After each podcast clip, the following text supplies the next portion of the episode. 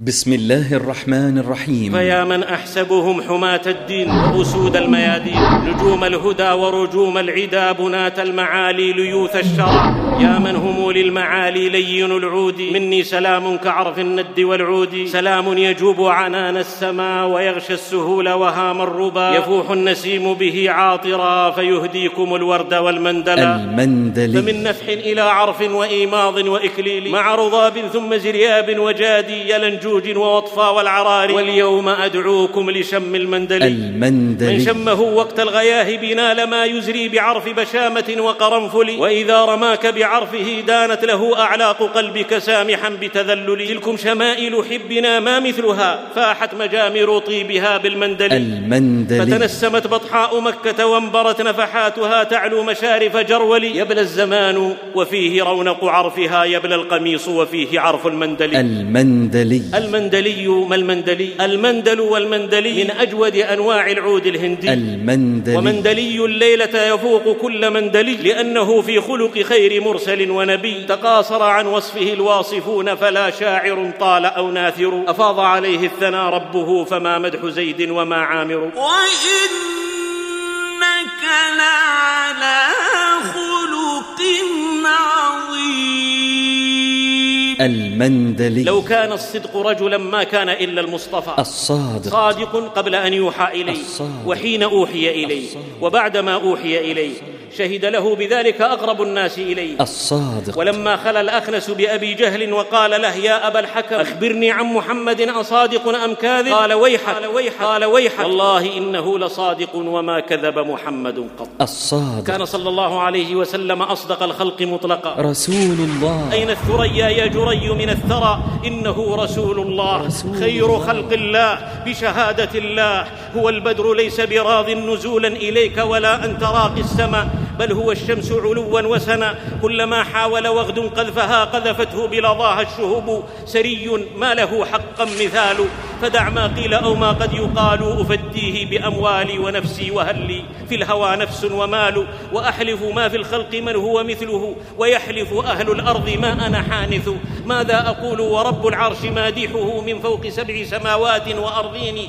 في سورة النجم والأحزاب والشعراء وسورة الفتح والشورى. وفي نون عليه ألف صلاة بعدها مئة مضروبة في ثماني ألف تسعين ما لاح برق الحمى النجدي وما صدحت حمائم الأيك من فوق الأفانين وما سرت نسمة البانات من سحر فأنعشت بشذاها كل عرنين. رسول الله الصادق قال عبد الله بن سلام أحد أحبار اليهود لما قدم رسول الله صلى الله عليه وسلم المدينة وانجفل الناس قبله جئت في الناس لأنظر إلى وجهه فلما رأيت وجهه عرفت أنه ليس بوجه كذاب. الصادق لا يقول إلا صدقا جادا ومازحا. قالوا يا رسول الله إنك تداعبنا؟ قال وإني لا أقول إلا حقا. فإن عد أهل الصدق لم يك ثانيا ولا ثالثا كلا ولم يك رابعا. الصدق صدقا في المقصد والنية فلا ينعقد القلب على عمل إلا لله. صدقا في العزيمة فإذا عزمت فتوكل على الله. صدقا في الألفاظ التي تناجي بها الله. لا يلتفت قلبك لغير الله وأنت تقول وجهت وجهي لله. صدقا في سؤال الله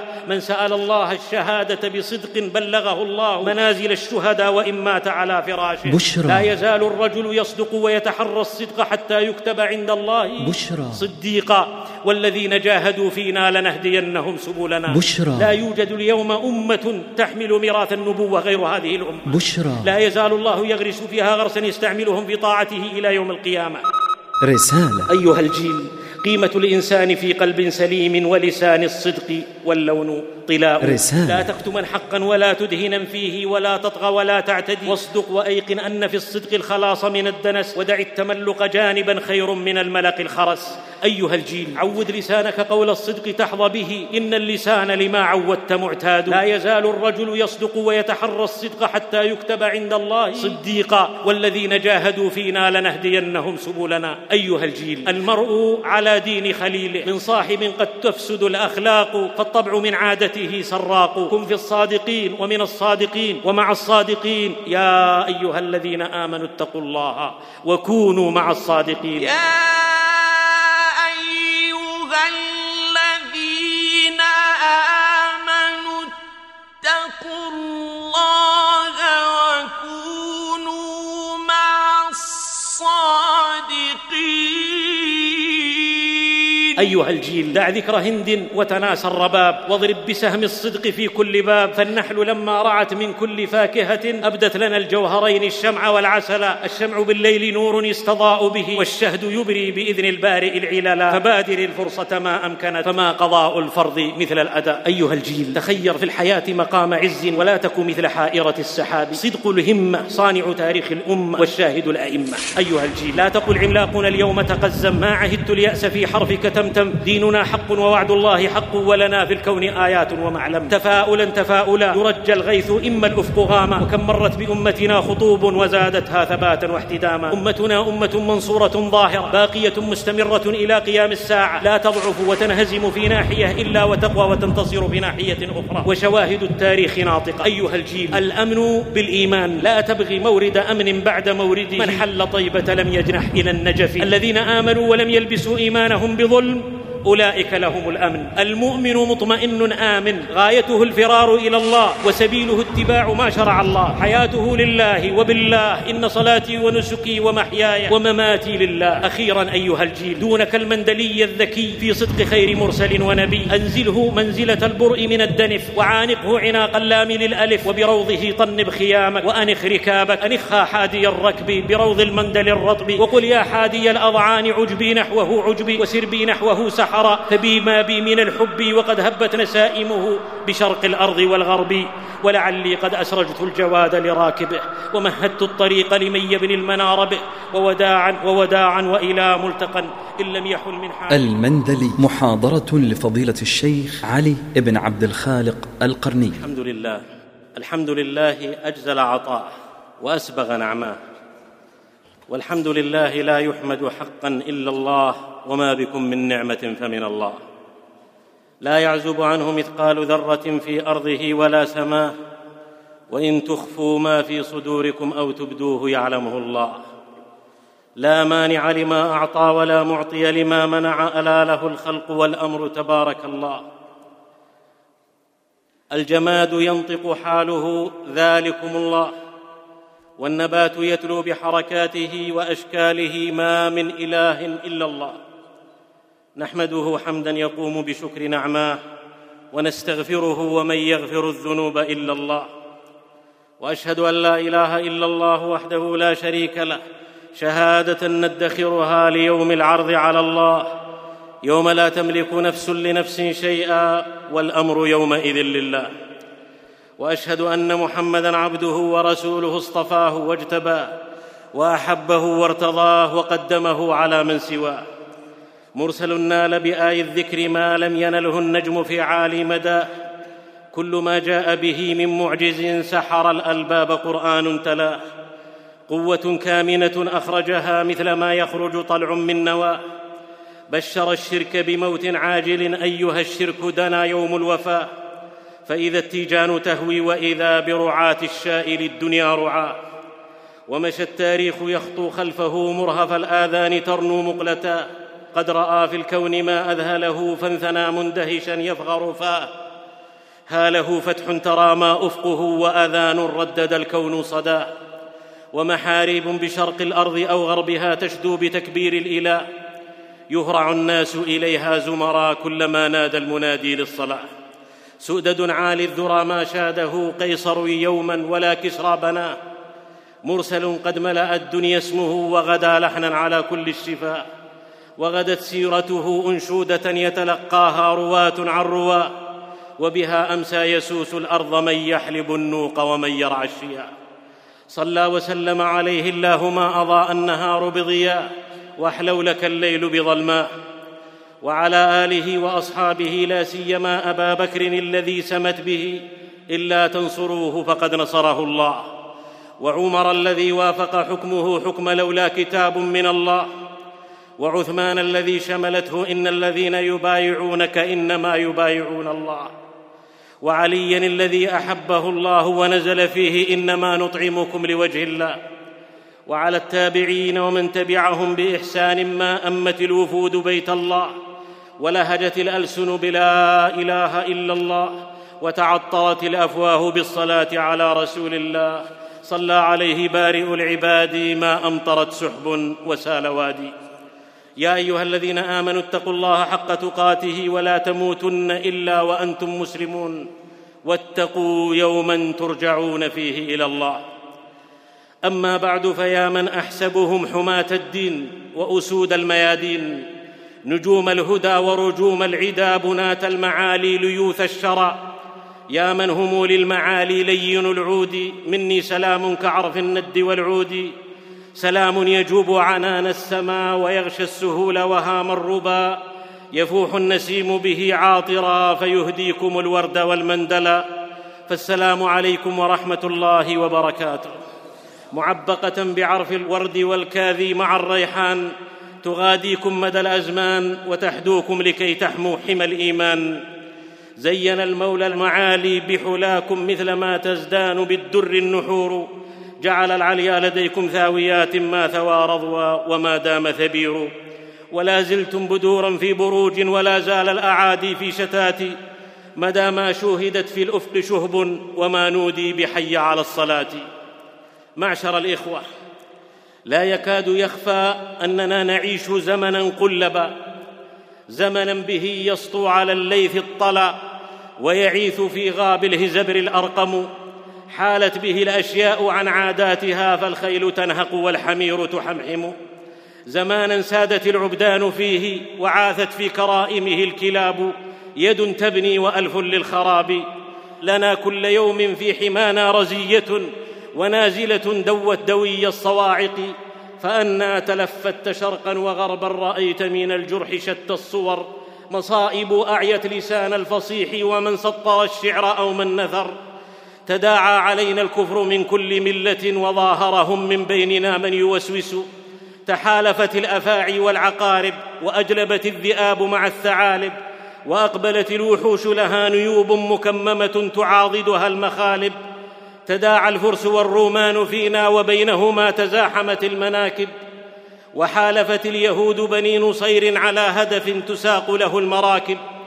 وفي الشام الحبيبة جيش بغي بخسة طبعه فيها يحارب وفي أرض العراق للصضارب وفي اليمن الحبيب عميل رفض له من سوء منطقه غرائب وفي الأحواز دوامات ظلم تزلزل إخوة الدين الأقارب وثم على ثرى الإسراء أفعى وفي أركان ثعبان قرين وفي أفريقيا الوسطى مآس وما دمعت لقتلاها عيون وما ذنب الضحايا غير دين تهون له النفوس ولا يهون. أولم تروا يا قوم كيف تآمروا في حربنا وتواصلوا وتكاتفوا؟ برق من البغضاء يبرق فوقنا منهم ورعد بالضغائن قاصف كم اطلقت منهم على أخلاقنا وعلى عفاف المسلمات قذائف. سلكوا إلينا كل درب فاشتكت منهم مدائن رحبة ومزالف. ما لاح بيت للفضيلة شامخ إلا وعندهم السلاح الناسف وأفراخهم من أهل جلدتنا غدوا يجزون معهم صوف جلدتنا جزا فلكم منهم من افتتنت نفسه الرعناء بالغرباء عربي في ملامحه عاجز أن يخفي الجربا حب أمريكا تملكه فغدت أما له وابا وغدا يهذي بطاعتها ويرى تمجيدها قربا. متأنق يغريك مظهره ولو كاشفته لوجدته كالأرنب. متلون فلكل قوم نغمة يرغو بها مثل البعير الأجرب. يرى في الليل روميا ويصبح يعبد الفرس. صريح الكفر في فمه ويهمس بالهدى همسا. طويل الباع للأعدى ويبخس أهله بخسا. له وجه يحل البسط فيه ويحرم ان يلقى بالتحيه تباروا في مناصرة الفساد. كأن العار مفخرة وعز وأن الطهر عيب في العباد. ما نزلت بالأمة نازلة إلا دلوا على عوراتها وتربصوا بها وكانوا ابارغا لها وقد فضح المستور صوت الخلاخل أولئك رهط كلما دس لقمة غريب تولوا عنه وضع التوابل. بل هم عبيد للغزاة فأمرهم أمر يطاع وإن توانوا يوخزوا.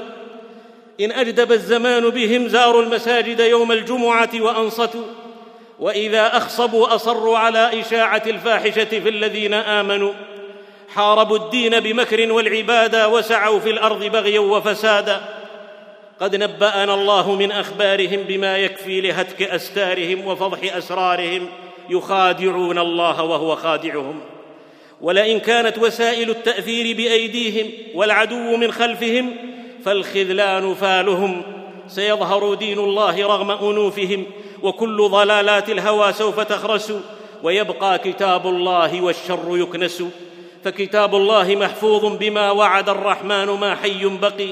هو محفوظ نعم في أضلع نرتجي من حبنا أن تتقي.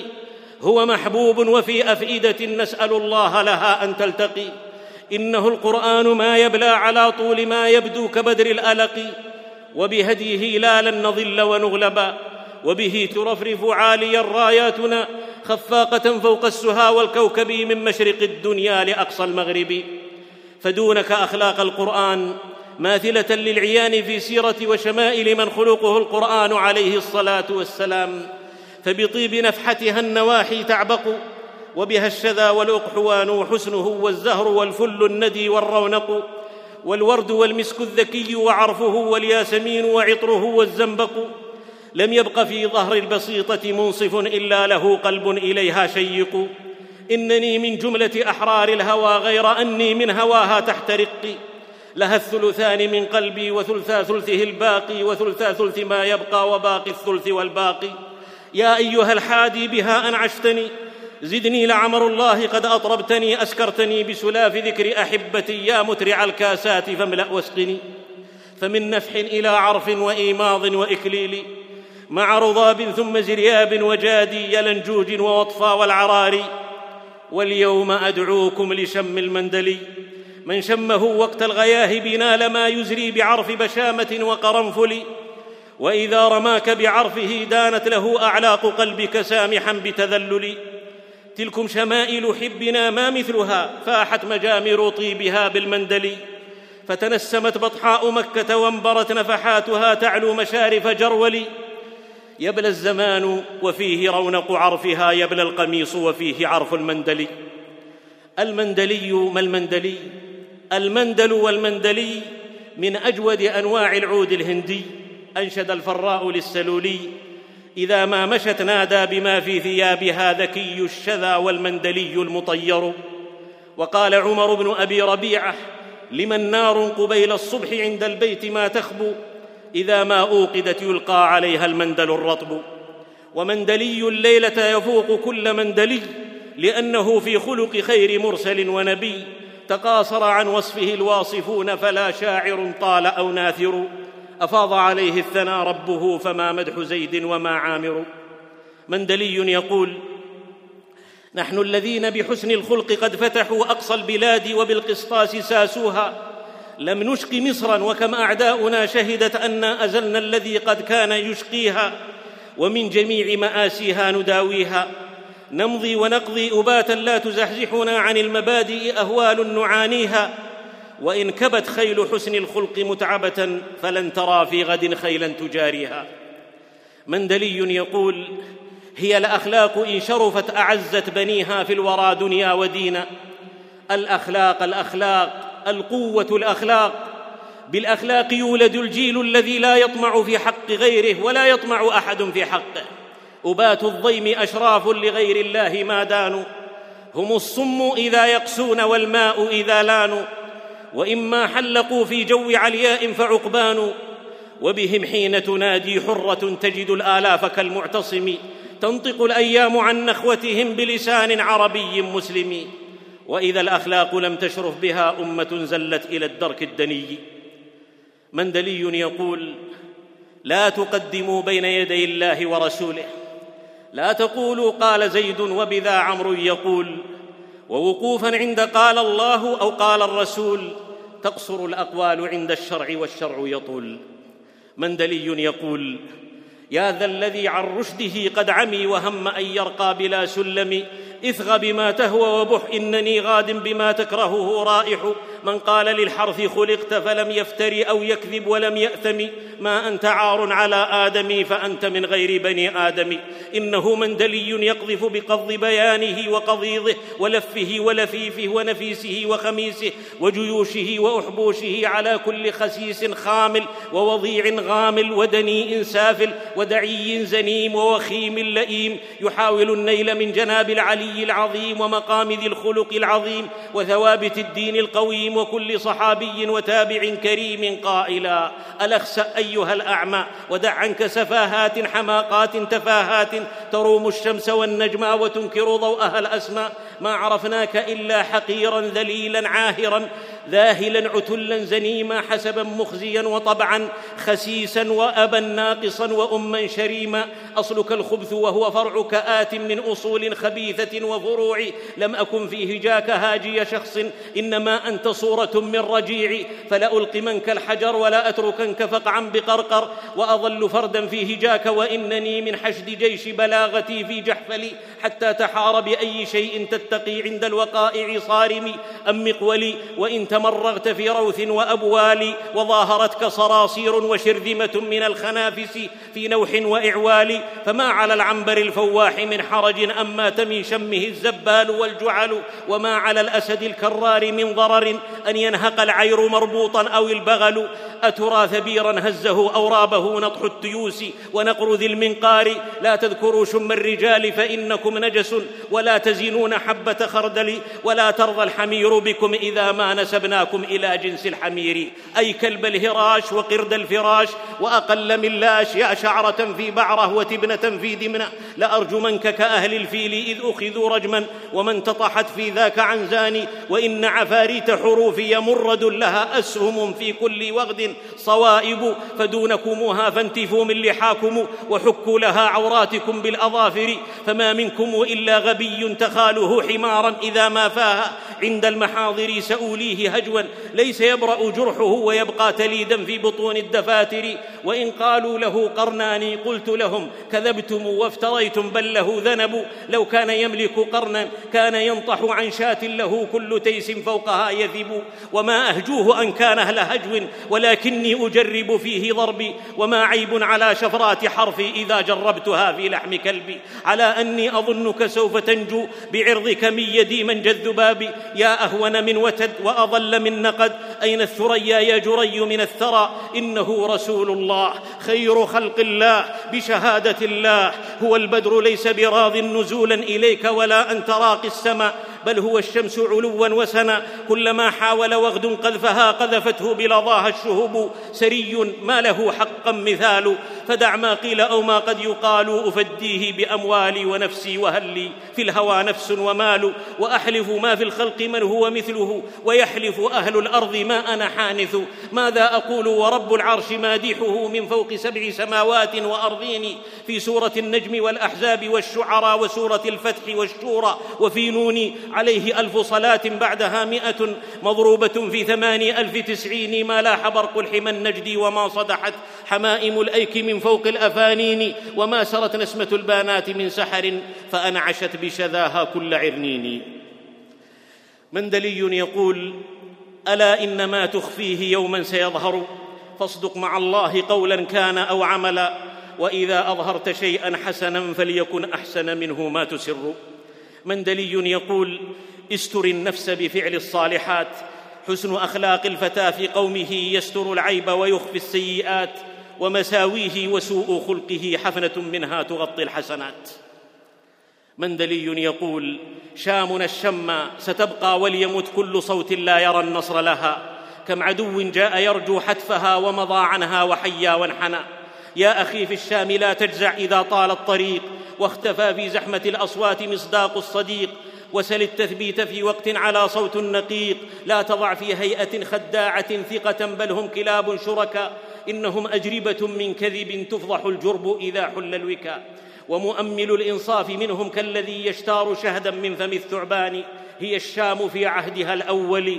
مرابع للليث والأجدل. ولا بد لليل أن ينجلي وأن يكتب النصر للأفضل.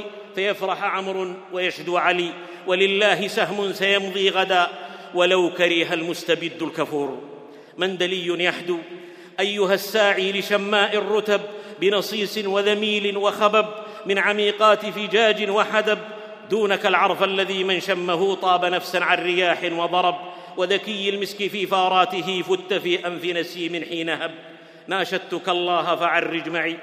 وقف بنا عند ربى المندل فلم تزل آهلة الأربع حتى نطيل اليوم وقفا على الساكن أو عطفا على الموضع.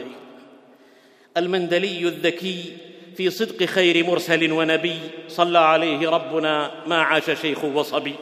صدقه ما صدقه صدقه بهجة قلبي وحلى ذكره الطيب حلوى مسمعي. لقب الصدق فيه حق ولكن هو لفظ لغيره مستعار.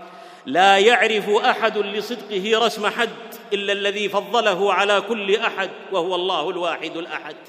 من عاشره صدقه ومن رآه لأول وهلة أو سمع قوله أو سمع عنه ولم يره صدقه وحسبه أن الله زكاه وصدقه وصدق الله ورسوله.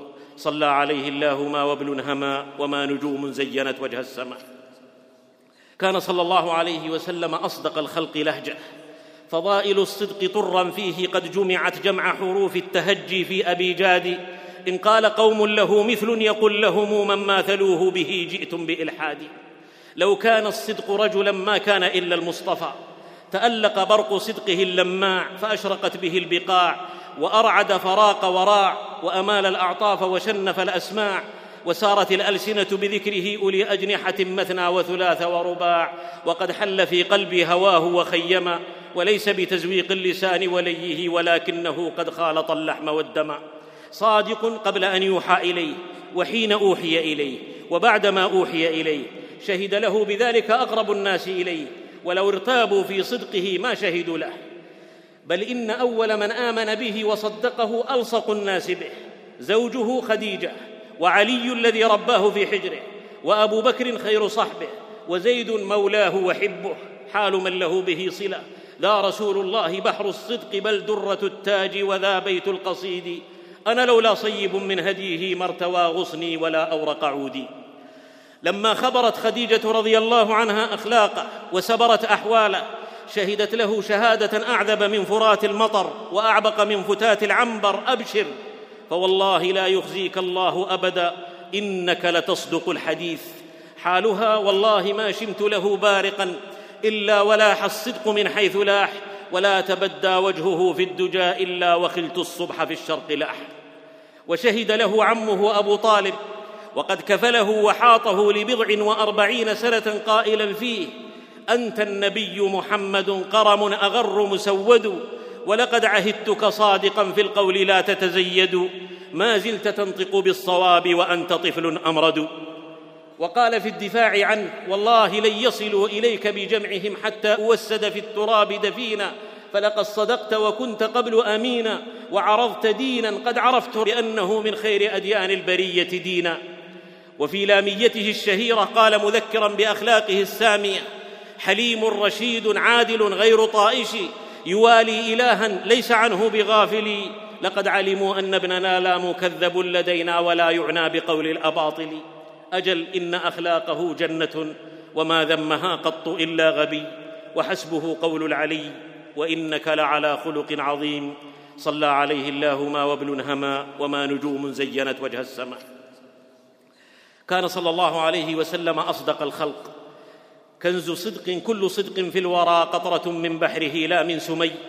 متى قال صدقه العالمون ودوت أحاديثه في الورى. شهد له بالصدق الصحابة عن خبرة ودراية. فحين أصبح الناس يتحدثون عن إسرائه ومعراجه قال قائل المشركين وهم بين مصفق وواضع يده على رأسه. نضرب أكباد الإبل لبيت المقدس شهرا وشهرا ويذهب في ليلة ويصبح بين ظهرانينا. والله ما كان هذا ولا نرضى ولو صارت السماء أرضا. كأنهم ضان تداعت بثغى وكلهم في العقل يمشي القهقرى يريد قداما فيجري من وراء.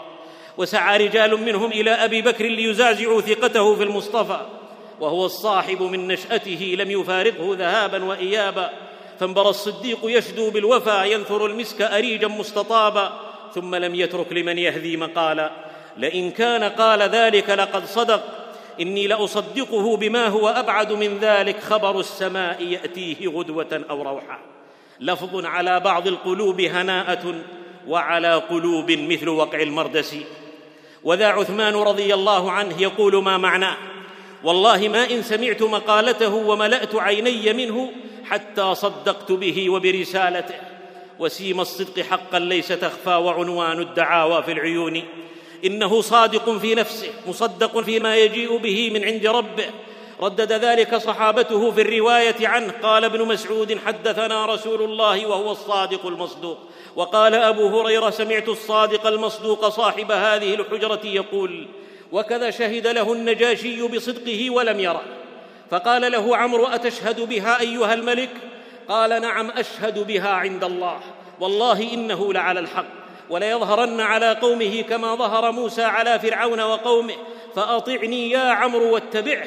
حاله فنصيحتي لك محضة ومودتي لك صافية وفي تعب من يجحد الشمس ضوءها ويطمع أن يأتي لها بضريب تلكم شهادات من اطلعوا على أحواله وخبروا أخلاقه وصفاته وآمنوا به وصدقوه فيما جاء به. ثم وضعوا أنفسهم وأموالهم رهن إشارته ابتغاء لمرضات الله بمرضاته. معلنين أنه أصدق من سار في الناس على هذا الأديم. فذلك خير الخلق تالله لم تلد شبيها له أنثى يمينا ولا ذكر. ولو كان صدق الخلق أغصان دوحة لكان لها نورا وكان لها الثمر. صلى عليه الله ما وبل هما وما نجوم زينت وجه السماء. كان صلى الله عليه وسلم أصدق الخلق مطلقا. طبع الأنام على الخلاف وصدقه في الناس مسألة بغير خلاف.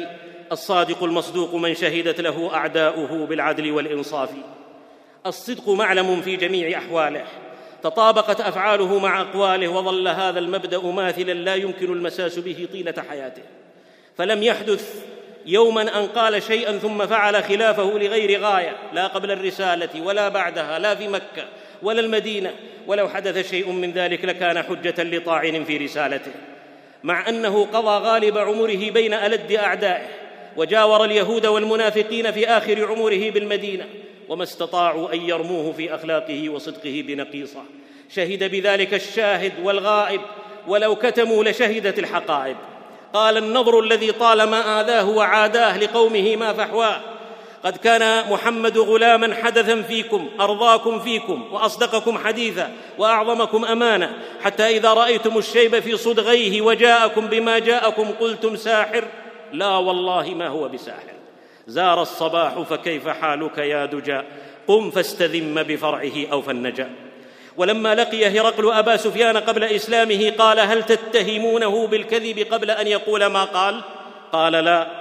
قال إني أعرف أنه لم يكن ليذر الكذب على الناس ويكذب على الله.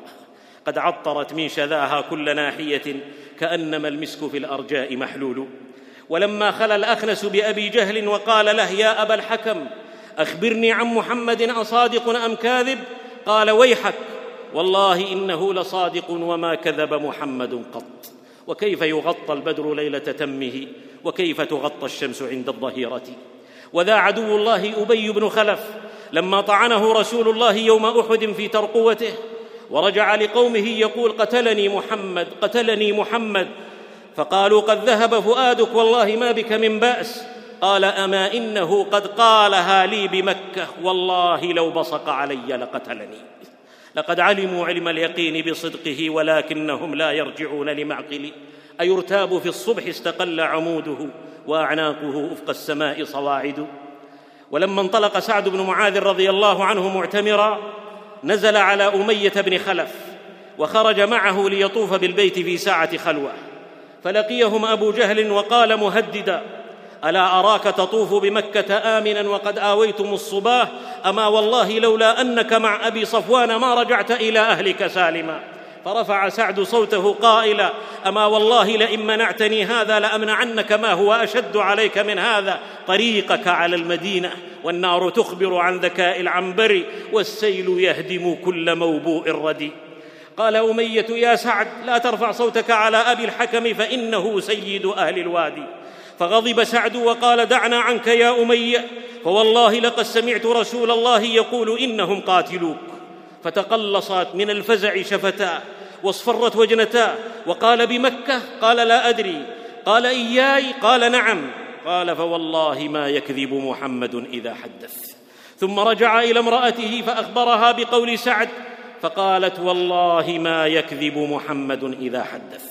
هو الشمس لا تخفى على عين أرمد. تعود الا ينطق المين والهذا ولم ترض نفس الحر ما لم تعود. هكذا أقر أمية بصدقه وأقسم أن لا يخرج من مكة. ثم لم يزل به قرين السوء أبو جهل حتى أخرجه يوم بدر ليقتل بيد من طالما عذبه. وكم من فتى غره صحبه فأصبح يركل بالأرجل.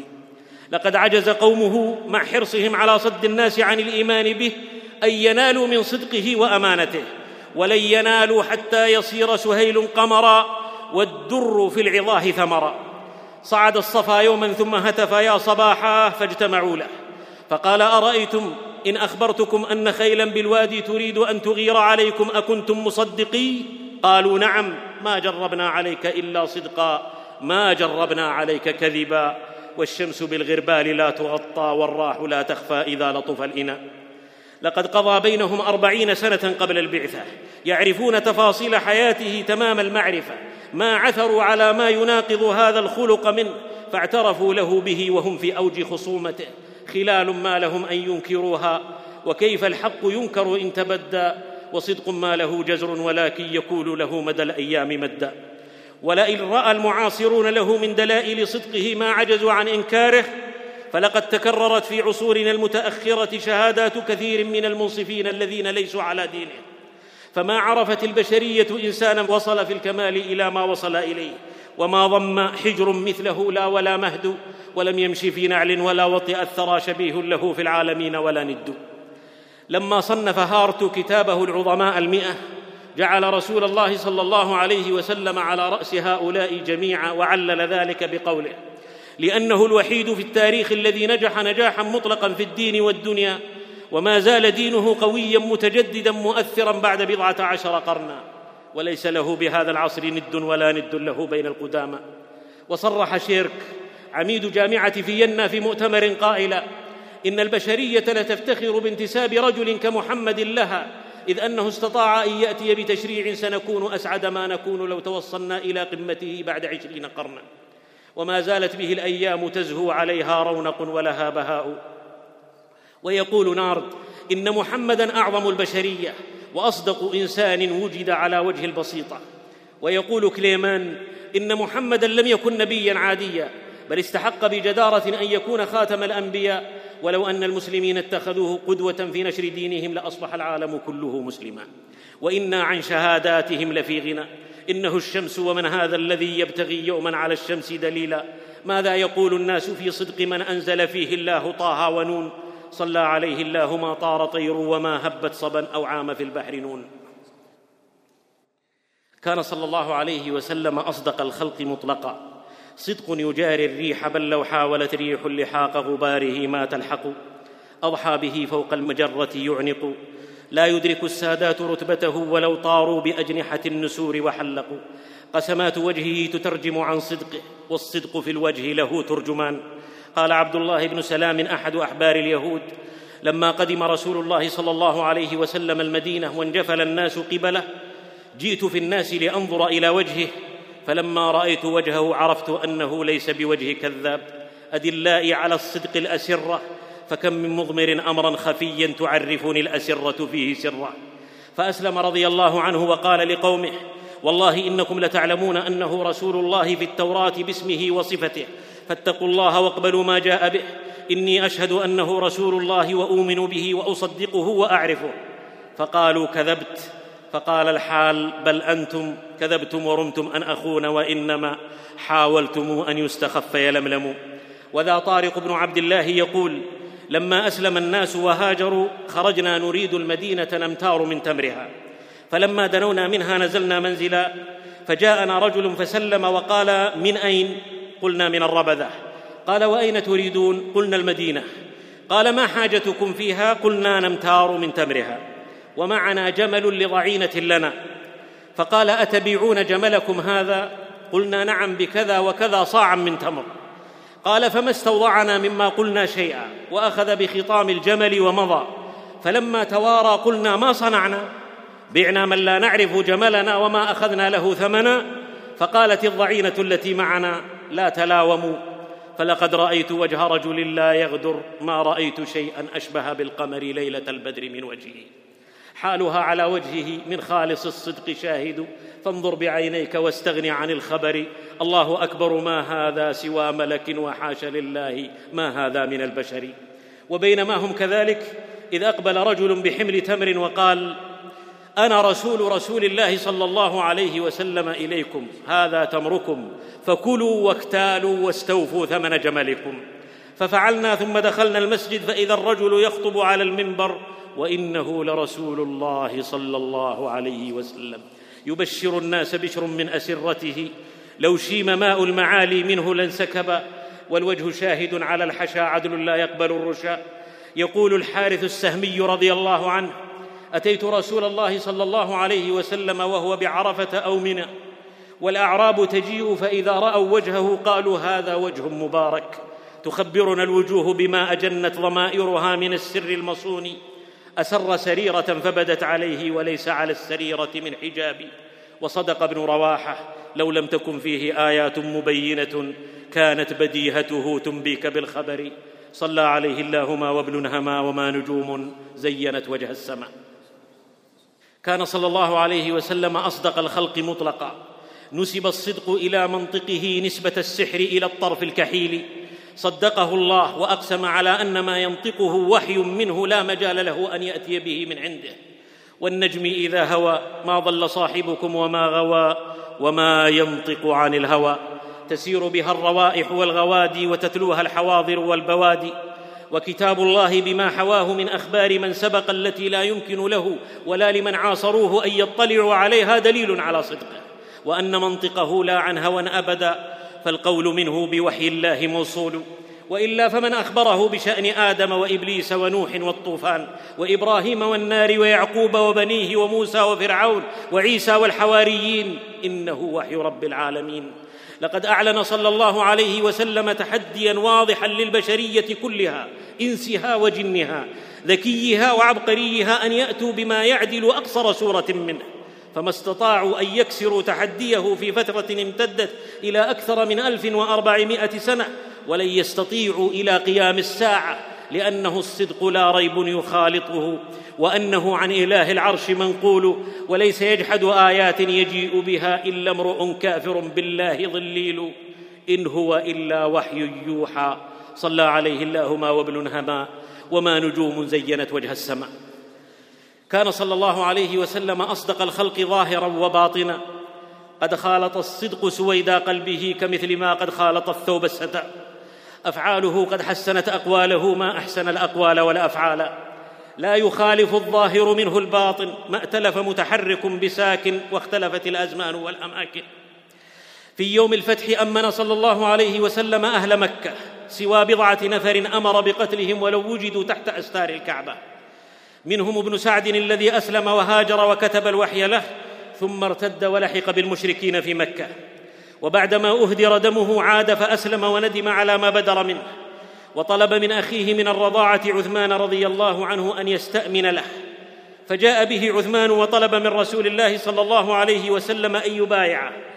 فأبى عل أحدا من الصحابة يقوم إليه ليقتله. لكن الصحابة هابوا أن يقدموا على قتله في مجلس رسول الله صلى الله عليه وسلم بغير إذن صريح منه. فأعادها عثمان بايع عبد الله فأمسك عنه فأعادها ثالثة فبايعه ثم أقبل على أصحابه فقال ما معناه أما فيكم رجل رشيد رآني كففت عن بيعته قام إليه فقتله. قالوا وما يدرينا يا رسول الله ما في نفسك؟ هلا اومات لنا بعينك. فأعلن وصرح وأبدى قائلا ما كان لنبي أن تكون له خائنة الأعين. يزكو بها البال ويمحى الذام تحلى بها آذاننا تحلو بها أفواهنا تغذى بها الأحلام. فوالذي خلق الإنسان والجبل ما غاب نجم الصدق عنه وما خبا صلى عليه الله ما وبل هما وما نجوم زينت وجه السماء. كان صلى الله عليه وسلم أصدق الخلق مطلقا. ما إن له في العالمين مباري. قد عز في كل البرية مثله في البدو عز وعز في الأمصار. لا يقول إلا صدقا جادا ومازحا. قالوا يا رسول الله إنك تداعبنا؟ قال وإني لا أقول إلا حقا. فإن عد أهل الصدق لم يك ثانيا ولا ثالثا كلا ولم يك رابعا.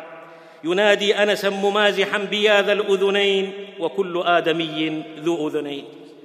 وبين زاهر في السوق يبيع متاعه إذ وقع عليه نظره وقد كان يحبه فأتاه واحتضنه من خلفه وزاهر يقول من هذا؟ أرسلني. حتى إذا ما التفت فإذا هو رسول الله صلى الله عليه وسلم جعل يلصق ظهره بصدر رسول الله وحاله لا قضى الله ببين أبدا بيني وبينك. ورسول الله يقول ممازحا من يشتري العبد؟ من يشتري العبد؟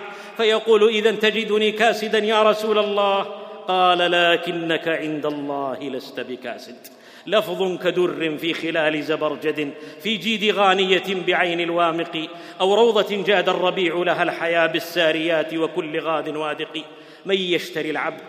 مزاح لا يروع به عبد ولا يخرج عن دائرة الصدق فكلنا عبد. وهو القائل ما معناه ألا عسى رجل يتكلم بكلمة يضحك بها جلساءه يسخط الله عليه فلا يرضى عنه حتى يدخله النار. وهو الزعيم ببيت في وسط الجنة.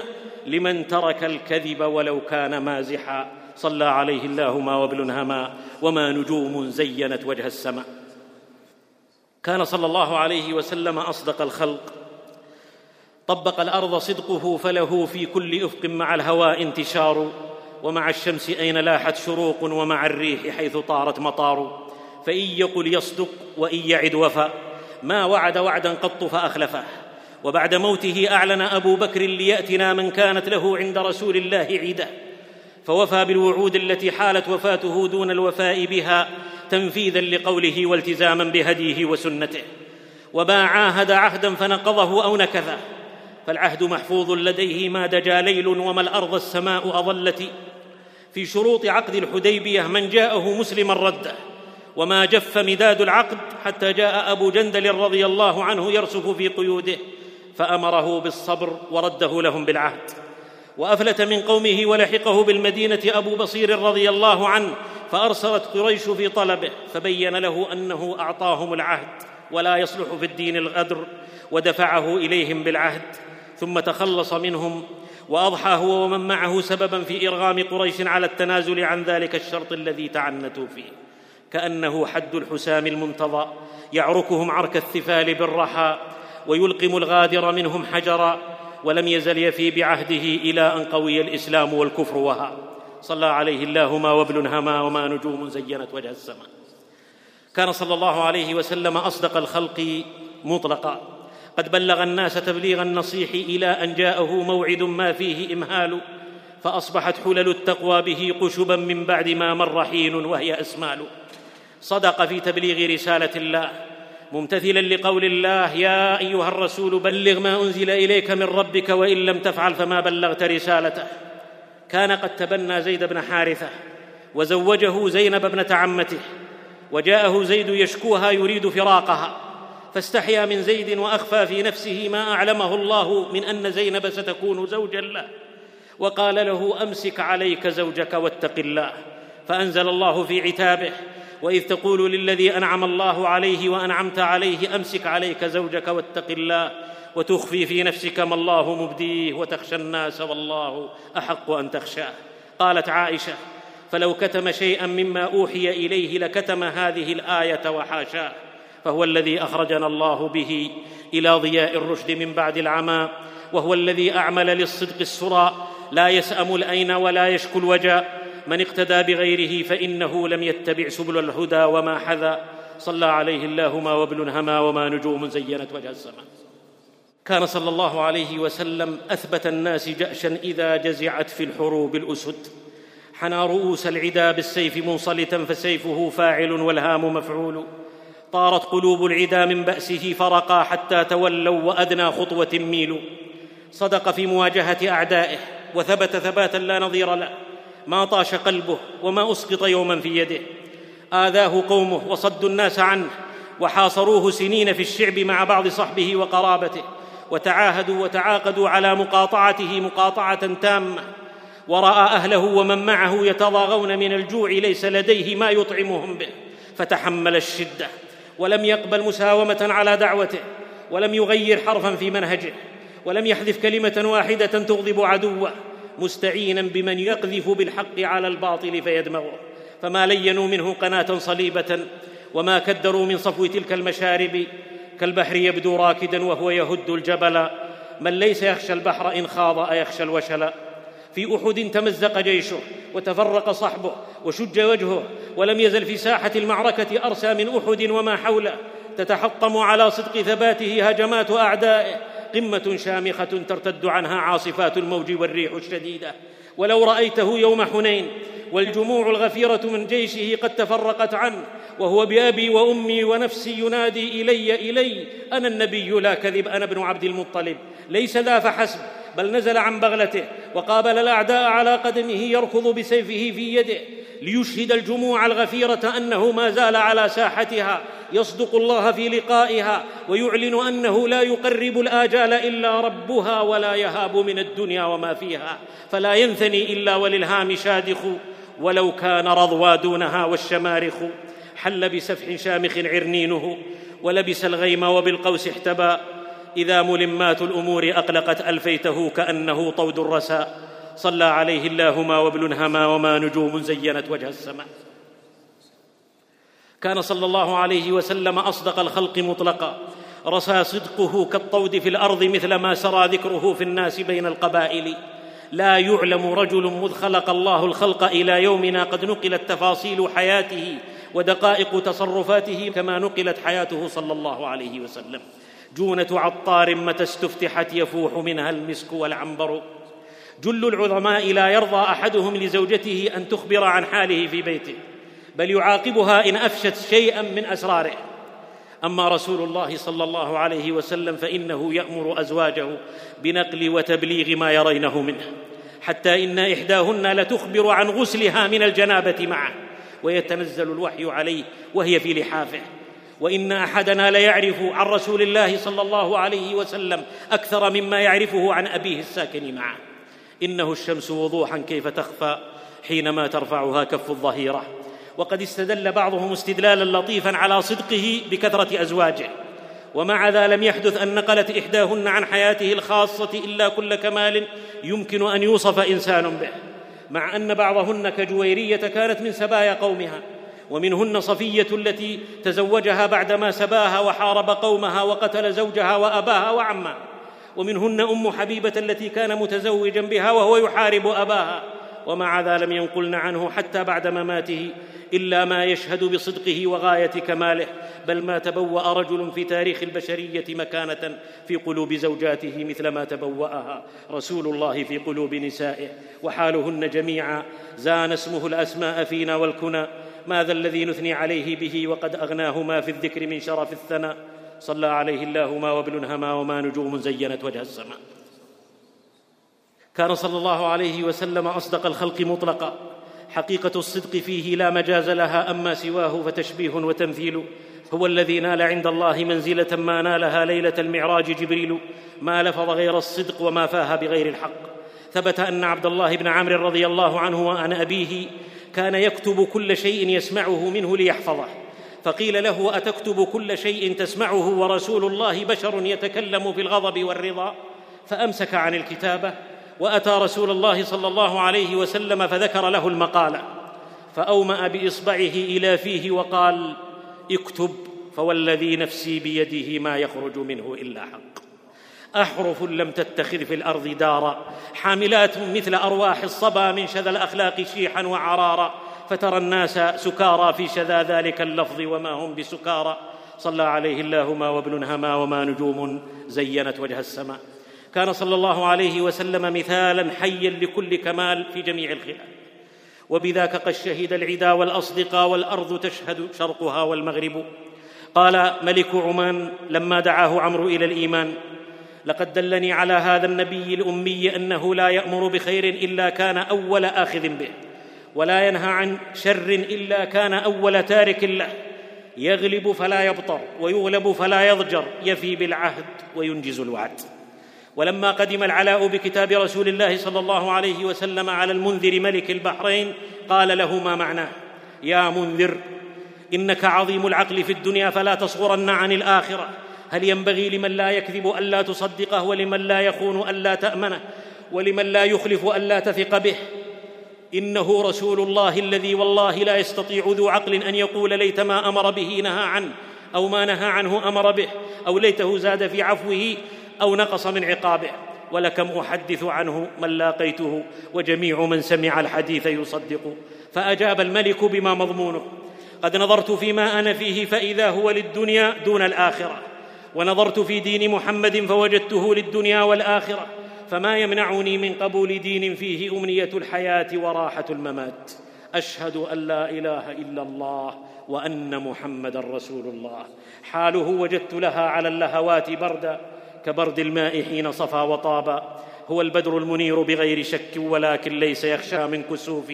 له نسب الكمال بغير شك كما نسب البناء إلى الحروف.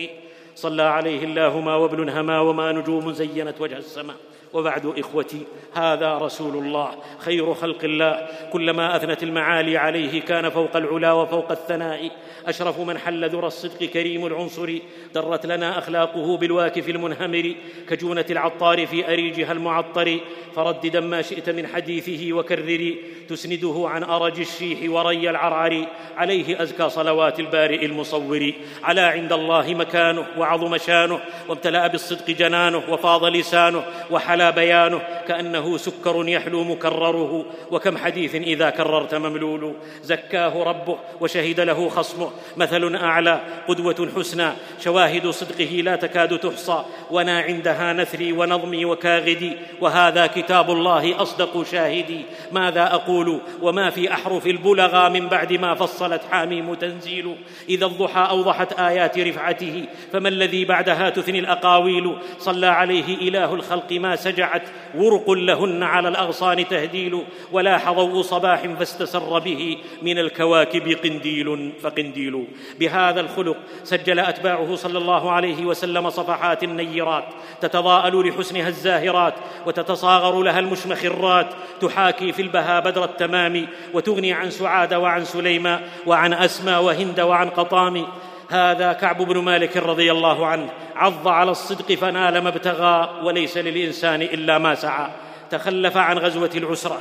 ولما عاد رسول الله صلى الله عليه وسلم أجمع صدقه وجلس بين يديه قائلا له والله يا رسول الله لو جلست عند غيرك من أهل الدنيا لرأيت أني أخرج من سخطه بعذر ولقد أعطيت جدلا لكني والله لقد علمت إن حدثتك اليوم حديث كذب ترضى به عني ليوشكن الله أن يسقطك علي ولئن حدثتك اليوم حديث صدق تجد علي فيه إني لأرجو فيه عقب الله والله ما كان لي من عذر وما كنت قط أقوى ولا أيسر مني حين تخلفت. كل قلب يكن سرا ولكن ليس يخفى على العليم الخبير. فقال صلى الله عليه وسلم أما هذا فقد صدق قم حتى يقضي الله فيك. وبعد خمسين ليلة وهو على الحال التي ذكر الله نزلت توبته وبشر بخير يوم مر عليه مذ ولدته أمه. ولأن الله إنما نجاه بالصدق قال ما مضمونه. إن من توبتي الا أحدث إلا صدقا ما بقيت. والله ما تعمدت إلى يومي هذا كذبا وإني لأرجو أن أحفظ ما بقيت. والله ما أنعم الله علي من نعمة قط بعد أن هداني للإسلام. أعظم في نفسي من صدقي لرسول الله صلى الله عليه وسلم. كأن ألفاظه في أذن سامعها. مساقط الشهد من أعواد مشتار ما زال يشدو إلى أن كدت من طرب أظنني ذا جناح بين أطياري. وذا شيخ أهل السنة الإمام أحمد رحمه الله لما قيل له بم تخلصت من سيف المعتصم وصوت الواثق؟ قال بالصدق لو وضع الصدق على جرح لبرؤ جمعت بين جمال وشذا أين تلقى مثلها في اللفظ أين؟ وذا عمر بن عبد العزيز ذل لله فعزت نفسه كل من عز بغير الله ذل. يقول رحمه الله ما كذبت مذ علمت أن الكذب يضر أهله. وكيف يكذب وهو من قال غير مرة؟ كل يوم أخافه دون يوم القيامة لا وقاني الله شره. لما قال له رجل يا أمير المؤمنين طاعتكم علينا مفروضة؟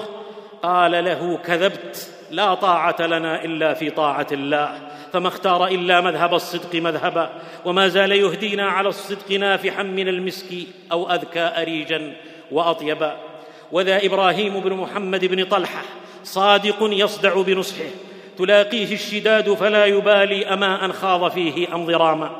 قربه الحجاج وقدمه ثم قدم به على الخليفة عبد الملك وقال له قدمت عليك برجل مكة والمدينة لم أدع له نظيرا في الأدب والفضل والمروءة. فقام برد السحر في نحر بابله وقال أيها الخليفة لدي نصيحة لا أجد بدا من ذكرها ولا أقدر عليها إلا في خلوة. فصرف الخليفة من عنده وقال علي بها. فقال يا أمير المؤمنين تالله لقد عمدت إلى الحجاج في تغطرسه وتعجرفه فوليته الحرمين وبهما ما بهما من المهاجرين والأنصار يسومهم الخسف ويحكم فيهم بغير السنة بعد الذي كان من سفك دمائهم وانتهاك حرمهم. حاله فمن يؤثر هواي فليس شيء يواصل بينه أبدا وبيني ومن يك راغبا في النصح مني يجدني دون ماء المقلتين. عندها عزل الخليفة عبد الملك الحجاج عن الحرمين وولاه العراقين معتذرا لابن طلحة بأن في العراقين من الأمور ما لا يصلحها إلا مثله. وحاله أسر بعزله قوما وأرمي أقيواما بثالثة الاثافي وإذا حدث التاريخ معشر الإخوة عن أمة ذلت بعد عزة فتبعة ذلك كما قال الخضر على رقاب علماء لا ينصحون وولاة لا يحبون الناصحين. إنما يفتح باب الذل لما يكرم العاصي ويجفى الأتقياء. وذا طالوت المعافري الفقيه المالكي الصدق ديدنه وصدع الظالم لا يتقي في الله لومه لائم لما ساءت سيرة الحكم بن هشام ثار الفقهاء عليه في قرطبة. واستطاع أن يخمد الثورة ويصلب منهم ثلاثمائة. فاختفى طالوت لدى بعض معارفه واهتدى الحكم إلى مكانه وكان يجله. ثم أمر أن يؤتى به ثم أجلسه إلى جواره وشرع في عتابه. يا طالوت أخبرني لو أن أباك مالك هذا القصر. أكان يزيد في البر عما كنت أفعله بك؟ يا طالوت هل قدمت علي قط لحاجة ولم أسرع إلى إسعافك؟ ألم أمض راجلا في جنازة زوجك؟ ثم انصرفت معك حتى أدخلتك بيتك ثم لم ترض إلا بسفك دمي وهتك ستري وإباحة حرمي أهذا لي عندك؟ فسيرها طالوت شرقا ومغربا قائلا والله ما أجد لنفسي في هذا الوقت مقالا خيرا من الصدق لقد أبغضتك لله فلم ينفعك عندي كل ما صنعته من اجلي ما خانه ألف منها ولا ياء كأنها في سماء الصدق جوزاء وعندها يا للحكم. لسانه منها قد انعقد كأنما شد بحبل من مسد والحال منه قد أبان ونطق. هذا هو الصدق وغيره هذر. فاذهب أيا طالوت لا لا لن تضر. ألا إن زندا من حلى الصدق عاطلا لتفضله عند القياس الأكارع. وذاكم القاضي مالك الفاروقي يزداد في عصف الشدائد قوة ويجول حين يضيق كل مجال.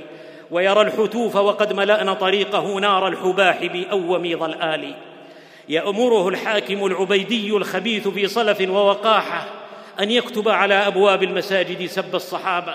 ومالك مؤمن يأبى الدنايا ولو نيطت بمهجته المنايا. إن برى مالك يكتب عليها في صدق وثبات لا نظير له لقد تاب الله على النبي والمهاجرين والأنصار الذين اتبعوه في ساعة العسرة. لقيه الحاكم وقال أفعلت ما أمرت به؟ تصور أن كل بيضاء شحمة وحمراء لحمة وسوداء تمرة وما علم أن التمرة قد تكون جمرة والبيضاء شفرة والحمراء جذوة. رأى شخصا توهمه ظليما فلما جاءه ألفاه ليث أفعلت ما أمرت به؟ قال بل فعلت ما يرضي الله وكتبت عليها قول الله لقد تاب الله. خذوا كل ما تبغون إلا كرامتي فموتي لذيذ في سبيل عقيدتي. فاضطرب اضطراب العصفور وتقلب تقلب المصفور رغى وأزبد والحمى تلوث به كما تعبث شيطان بمصروع وأمر بضرب عنقه. ليلقى الله شهيدا بإذنه. قد حماه الله من أن تكتب يمينه ما يجر عليه عار الدنيا وخزي الآخرة. وما الحر إلا الذي مات حرا ولم يرضى بالعيش إلا أمينا. لم يمت من مات يحمي دينه هو حي عند رب العالمين. وذاكم الزهري الصادق الأبي. يهاب الدنايا أن تدنس عرضه وليس لأسباب المنايا بهائب. يسأله هشام بن عبد الملك عمن تولى كبر الإفك. فقال ابن أبي فقال هشام كذبت إنه علي.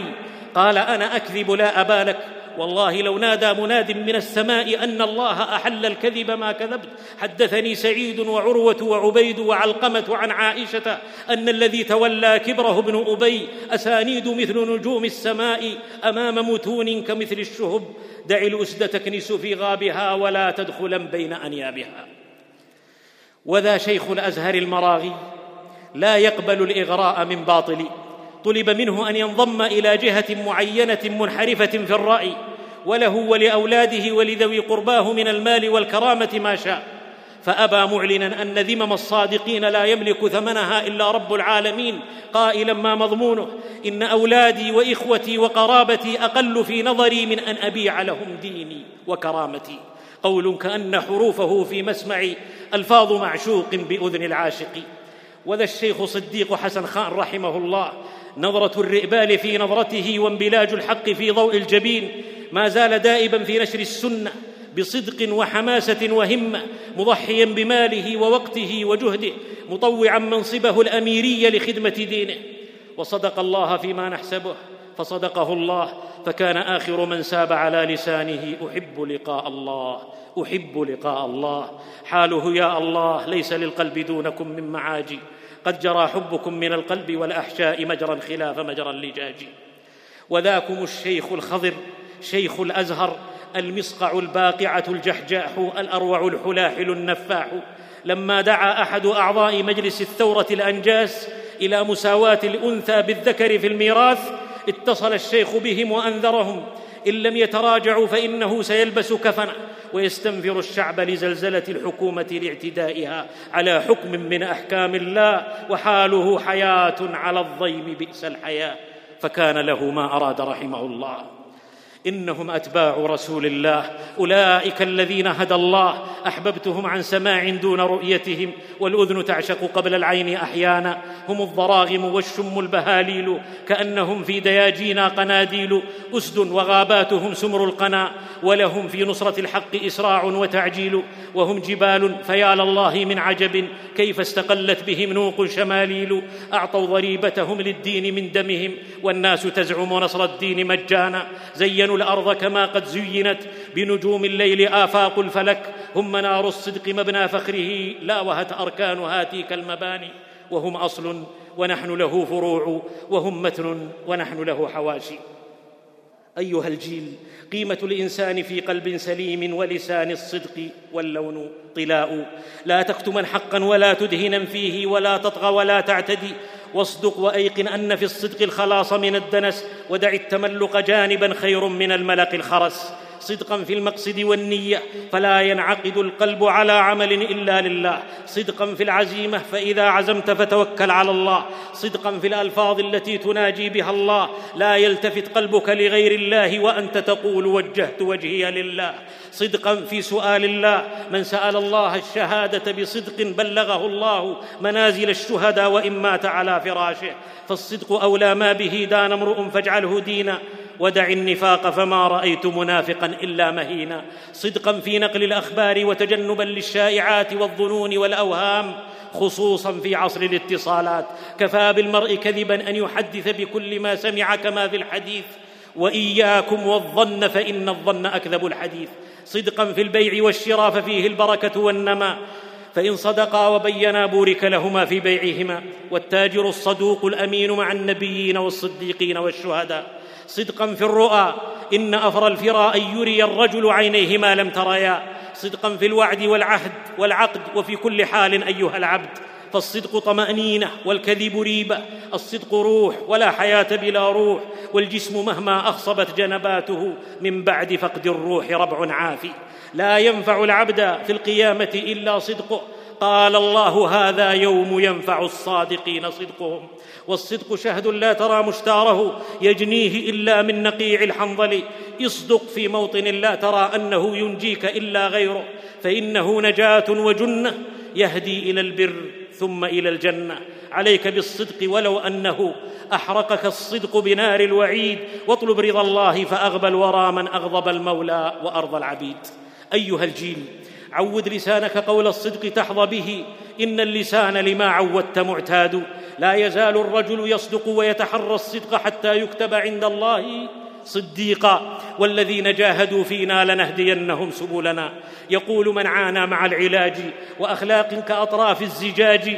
دققت بها فصارت كالزجاج. إلى أن عدن لي عسلا وماء. كذاك تكون عاقبة العلاج. أيها الجيل المرء على دين خليله من صاحب قد تفسد الأخلاق فالطبع من عادته سراق.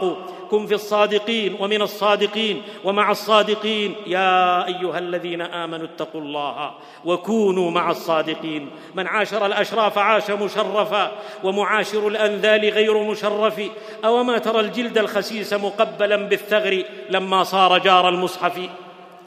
أيها الجيل دع ذكر هند وتناسى الرباب واضرب بسهم الصدق في كل باب. فالنحل لما رعت من كل فاكهة أبدت لنا الجوهرين الشمع والعسل.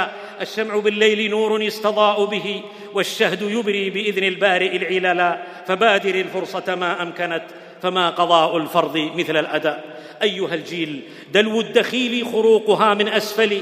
ظل الذي أمسى بها ممتاحا. لا يخدعنك من أفاع ملمس. فلرب خشن ناب ناعم ملمس يا مسرح الآرام لا ترضى بأن تغدو لأسراب الجراذن مسرحا. تيقظا لما يراد بالأمة وتجيشا لها بكل طاقاتها الممكنة لمواجهة الفتن الحالة والمقبلة. فالخطب أعظم من تردد حائري. بل قد أقول ولا أكون مغاليا. الخطب أعظم من بدار مبادري. كشفا للزيف والبهرج الذي تروجه اعلاميا شخصيات فاجرة أو طوائف ضالة بلا تضخيم لقوى أعدائنا أو تسويغ لأخطائنا أو تهوين لإمكاناتنا أو توهين لعزائم الصادقين منا مع وعي بإيماننا ويقظة لمكامن قوتنا وضعفنا ومعرفة برجالنا فما دخل العدو من حدودنا لكنه تسلل كالنمل من داخلنا ومن عيوبنا وما دنس الأوطان وهي بريئة سوى أنفس قد دنستها المطامع. الأمة مطالبة بالانتباه واليقظة والحذر من الخيانة والخونة ومن يسقى من الأعداء كاسة. ولا يشرى بفلس في مزاد إذا ما بيع في سوق النخاسه دخل التتار بغداد على يد الخائن بن العلقمي الرافضي وزير الخليفة العباسي. وتحالف الوزير شاور مع العدو الصليبي في منتصف القرن السادس الهجري ففتح لهم أبواب مصر فجعلوه نائبا لهم فأحرق مصر ارضاء لهم. وظلت النار تشتعل بها أربعة وخمسين يوما. وتآمر الرافضة مع اليهود ضد قوات صلاح الدين واتفقوا معهم على استدعائهم للديار المصرية فإذا ما خرج لهم صلاح الدين غدروا بمن بعده ثم اتوه من خلفه. ولكن الله كشف أمرهم وقام صلاح الدين فأدبهم.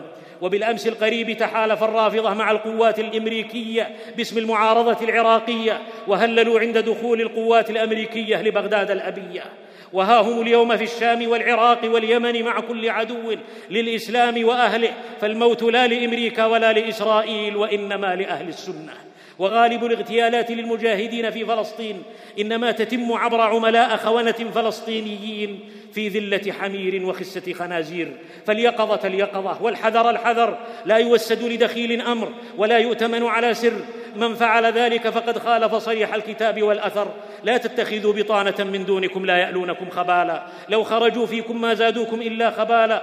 يا أيها الذين آمنوا لا تخونوا الله والرسول وتخونوا أماناتكم. وخذوا حذركم. ما شقاء البلدان إلا متاح من رؤوس مملوءة بالتعفن. لا يفيد العلاج ما لم يكن بتر وإلا فلن يفيد المسكن. وإن أصبحت أذنابنا وهي أرؤس غدونا بحكم الطبع نمشي إلى الورى ولا تعجبا من حالنا إن تأخرا. فوا عجبا لمن يرجو رشادا لدى أصحاب أفكار سخيفة. لقد ظل الذي يرجو انتفاعا بمزرعة أواسطها خسيفة. إذا دفع الزمام إلى كفيف فكل أمورنا تأتي كفيفة.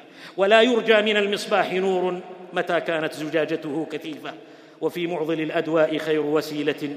علاج المكاوي لا علاج الفتائل. أيها الجيل تخير في الحياة مقام عز ولا تك مثل حائرة السحاب. صدق الهمة صانع تاريخ الأمة والشاهد الأئمة.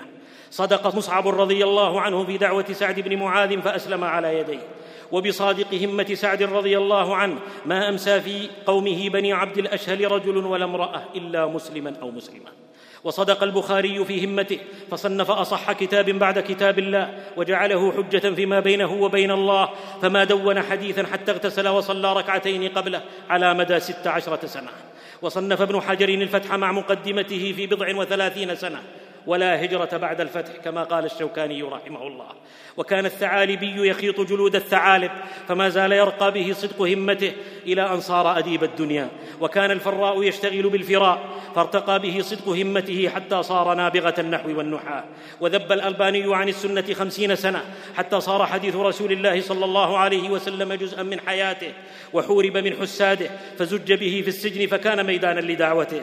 يحث السجناء على صلاة الجماعة والجمعة حتى قيل أنه أول من أقام الجمعة في سجن القلعة بعد شيخ الإسلام ابن تيمية رحمه الله. والشيخ ديدات بصدق همته زلزل أركان التنصير في جنوب أفريقيا وناظر زعماءهم في أمريكا وتحدى البابا فدعاه إلى مناظرة علنية فكع ولم يجبه لطلبه. وأنشأ مركزا لنشر الإسلام فوزع الافا مؤلفة من ترجمة معاني القرآن باللغة الإنجليزية. وكان يقول إن الأمة التي تملك الأموال الطائلة ولا تنفقها في الدعوة إلى الله أمة تستحق الدمار وسيحاسبها الله يوم القيامة. لا يرتقي العلياء إلا أمة شماء همة شيخها مثل الصبي.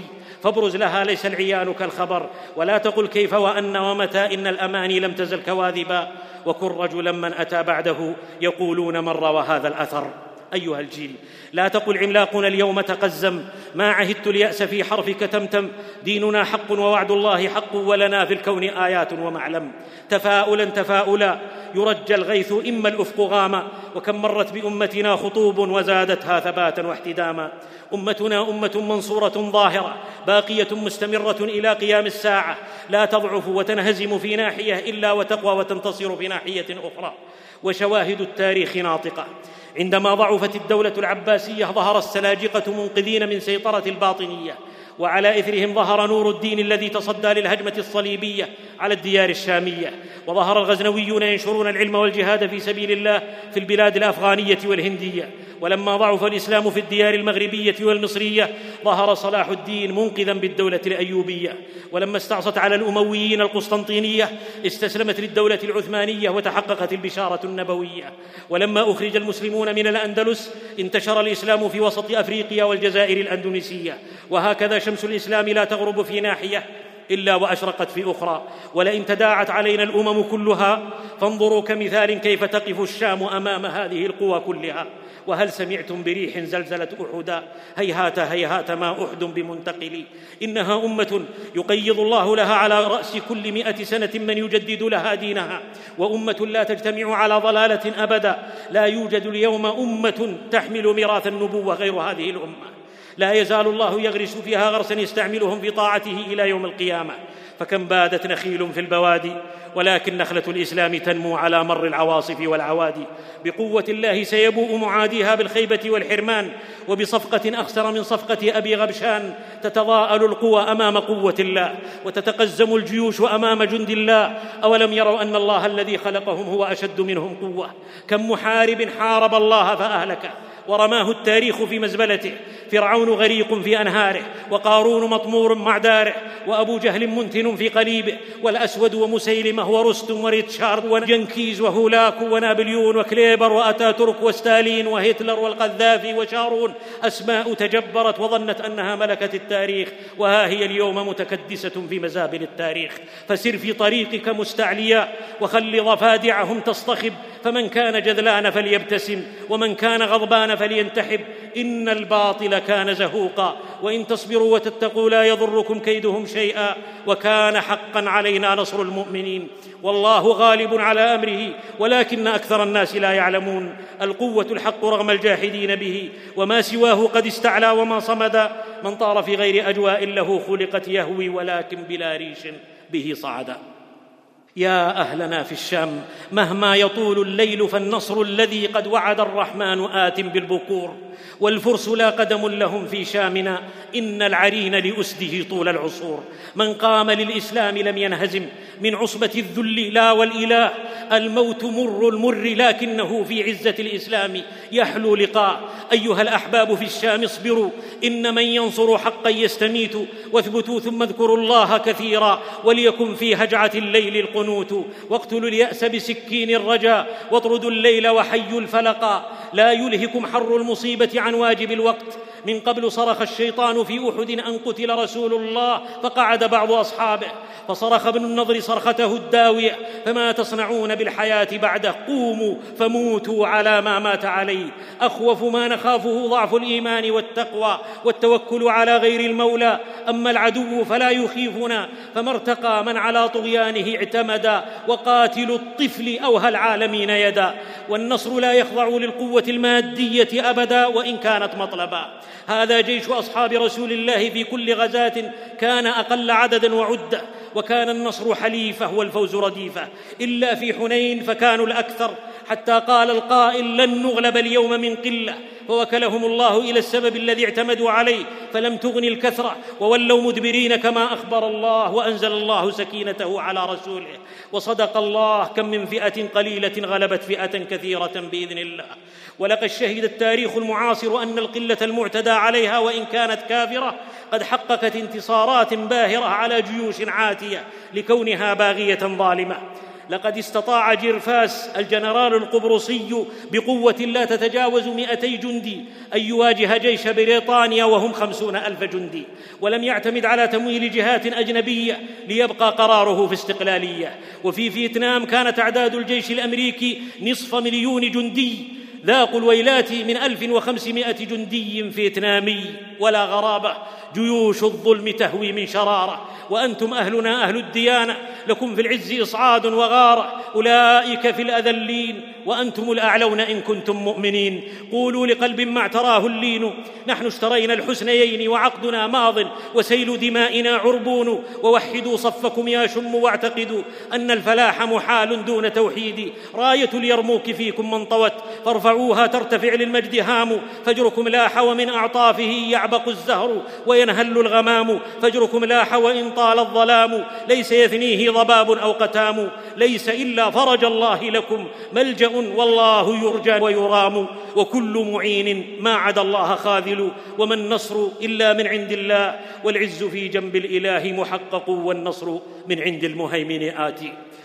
يا أمة محمد صلى الله عليه وسلم صرخة الشام في الفضاء تدوي رددت رجعها قبى والحجون.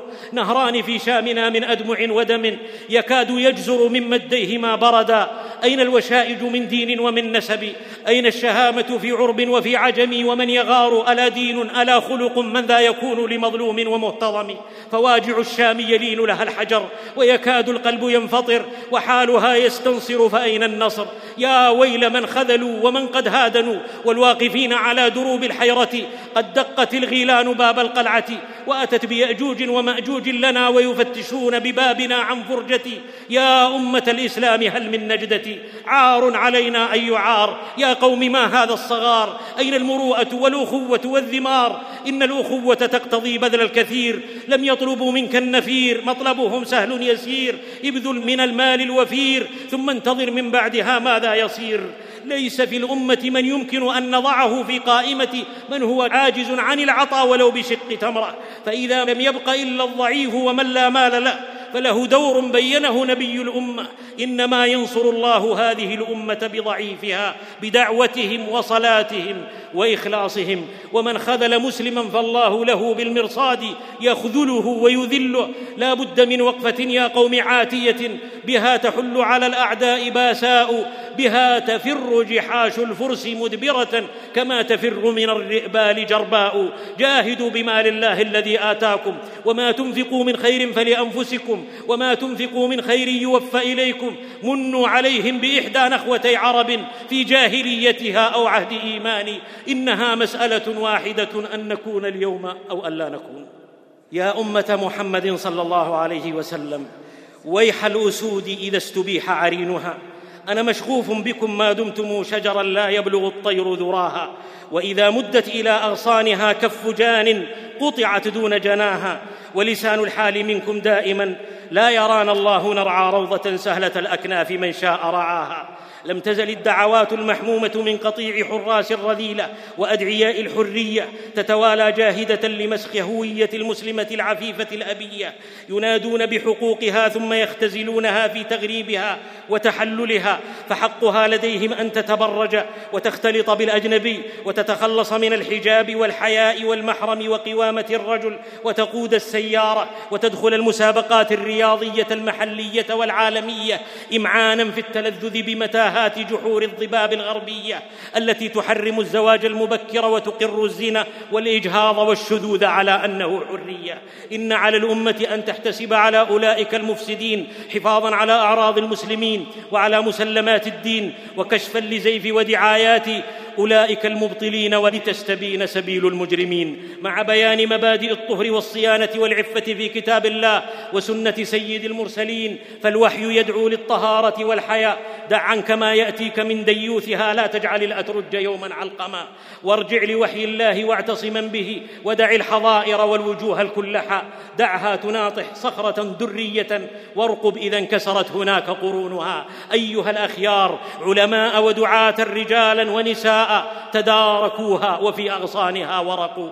تصدروا للمطالبة بحقوق المرأة المشروعة في ديننا وارفعوا بها رأسا. وقدموا لها البديل الذي يشرفها ولا يهينها ويحفظها ولا يبتذلها لتشرب كأس العلا وهي صرف ولا تشرب الكأس ماء مهينا. ويا أولياء أمور النساء قوا أنفسكم وأهليكم نارا. ردوا ظنون أولي الضلالة خيبا. فتلكؤ الآساد يغري الثعلبا. إن الولي الحر لا يثنيه عن إصلاح أهل البيت خوف أو رجاء. كلكم راع وكلكم مسؤول عن رعيته. ومن مات غاشا لرعيته حرم الله عليه الجنة. فلا تجعلن العرض للمال جنة. وكن كالفتى الكندي حين يقول يهون علينا أن تصاب نفوسنا وتسلم. أعراض لنا وعقول إن لم يكن حسم فللفوضى يد. هوجاء تحسم لا تغادر مسألة. وإذا الجمال استنوقت فعلى ما تعجب لو رأيت الناقة المستجملة. وإذا تأنثت الرجال ففي غد ستقودهن المرأة المسترجلة. وما كان ظني أن للكلب غارة. إذا جر أرسان الأمور هصورها يا أمة محمد صلى الله عليه وسلم إنما يقلب المذلة عزا سنة تقتفى وشرع يحكم والأرض من دون الشريعة غابة والجيل من دون المبادئ للهبى إن الأمة حين تقوم بتربية أبنائها وفق شرع ربهم فإن قوى الأرض لن تهزمهم وإن نالت من ظواهرهم ولن تفلح في تركيعهم وتغيير مبادئهم. فالذي بالله يرجو عزه ويرى في الشرع عزا لن يهانا. وحين تربى الناشئة على مناهج الأعداء فلا يمكن أن يكونوا يوما ندا أو خصما لعدو أشربوا حبه ومنهجه وقيمه بل سينضمون إليه شئنا أم أبينا وقد يكون ذلك على غرة منا. فلا يبالي أحدهم بما يصيب أمته في سبيل تحقيق مكاسبه الدنيا. يرى المجد كل المجد في حشو جيبه وإن أضحت الأوطان وهي بلاقع وكالشاة تتبع جزارها وتنسى ببرسيمه ثارها تباع وتشرى من الذابحين وتجهل في البيع أسعارها وكيف يرجو أن يرى عزة من باع بالخسران ما يشتري. أيها الجيل الأمن بالإيمان لا تبغي مورد أمن بعد مورده من حل طيبة لم يجنح إلى النجف. الذين آمنوا ولم يلبسوا إيمانهم بظلم أولئك لهم الأمن. المؤمن مطمئن آمن. غايته الفرار إلى الله. وسبيله اتباع ما شرع الله. حياته لله وبالله. إن صلاتي ونسكي ومحياي ومماتي لله. المؤمن آمن لا يخاف أحدا إلا الله. يخاف من الله أن يفرط في حقه أو يعتدي على خلقه. آمن على رزقه فالأرزاق عنده في ضمان الله الذي لا يخلف وعده ولا يضيع عبده. يرزق الطير في الوكنات والسباع في الفلوات. آمن على ذريته من بعده.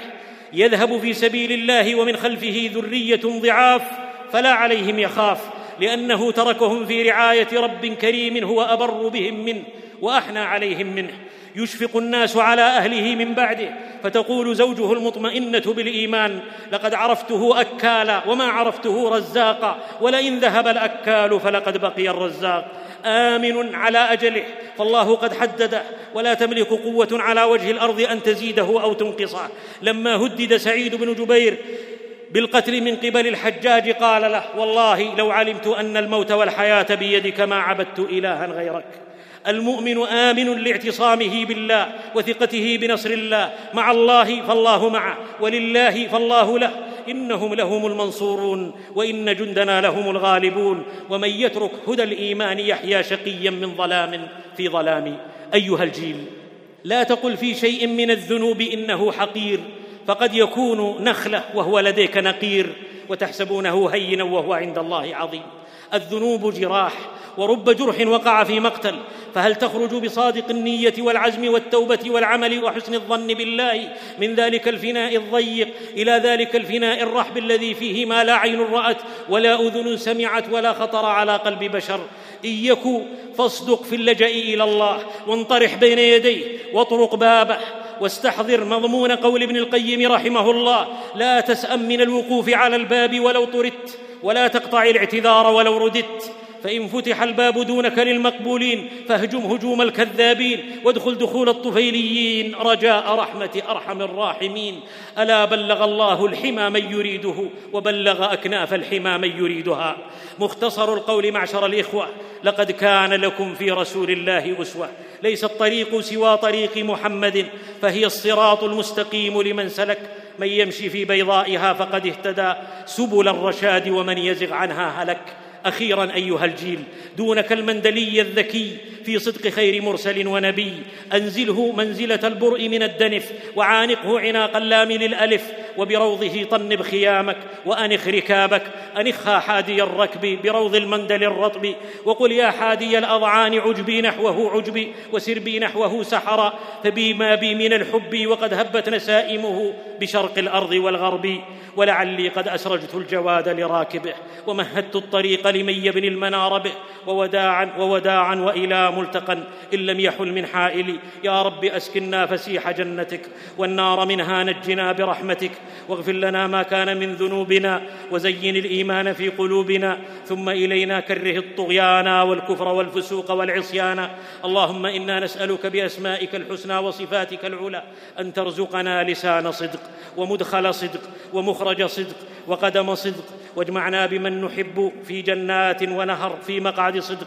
اللهم إنا نسألك قلوبا سليمة وألسنة صادقة وايمانا لا يرتد ونعيما لا ينفد ومرافقة نبينا صلى الله عليه وسلم في أعلى جنة الخلد. اللهم انصر دينك وكتابك وسنة نبيك وعبادك المؤمنين. اللهم عليك بالطغاة الظلمة فإنهم لا يعجزونك. اللهم عليك بالطغاة الظلمة فإنهم لا يعجزونك. اللهم إنا نسألك بعزتك وقدرتك وجبروتك وكبريائك وعظمتك أن تهلك طاغوت الشام وجنده ومن أعانه. اللهم أهلك طاغوت الشام والعراق وجندهم ومن أعانهم. اللهم أهلكهم وجندهم ومن أعانهم. اللهم عليك بالظالمين. اللهم اشف منهم صدور المؤمنين. اللهم ول على المسلمين الأخيار وباعد عنهم الفجار والأشرار. يا حكيم يا قهار. اللهم كن لاخوتنا في الشام والعراق وفلسطين وأركان واليمن وإفريقيا وليبيا وفي كل مكان مؤيدا ونصيرا وظهيرا ومعينا. اللهم اجعل لهم من كل هم فرجا ومن كل ضيق مخرجا ومن كل بلاء عافيه اللهم أنزل عليهم من الصبر أضعاف ما نزل بهم من البلاء. يا سميع الدعاء. اللهم اشف صدورهم من الأعداء ومكن لأهل السنة يا سميع الدعاء. اللهم من أرادنا في بلادنا وبلاد المسلمين بنشر الفساد والزندقة والفتنة والإلحاد والانحلال فكن لهم بالمرصاد. وأهلكهم هلاك عاد. يا من له الدنيا والآخرة وإليه المعاد. اللهم إنا نعوذ بك من زوال نعمتك وتحول عافيتك وفجاءة نقمتك وجميع سخطك. ونسأل الله عظيم المنة أن ينصر الحق وأهل السنة. والحمد لله ختاما وابتداء ثم الصلاة والسلام سرمدا على ختام الأنبياء أجمعين وآله وصحبه والتابعين.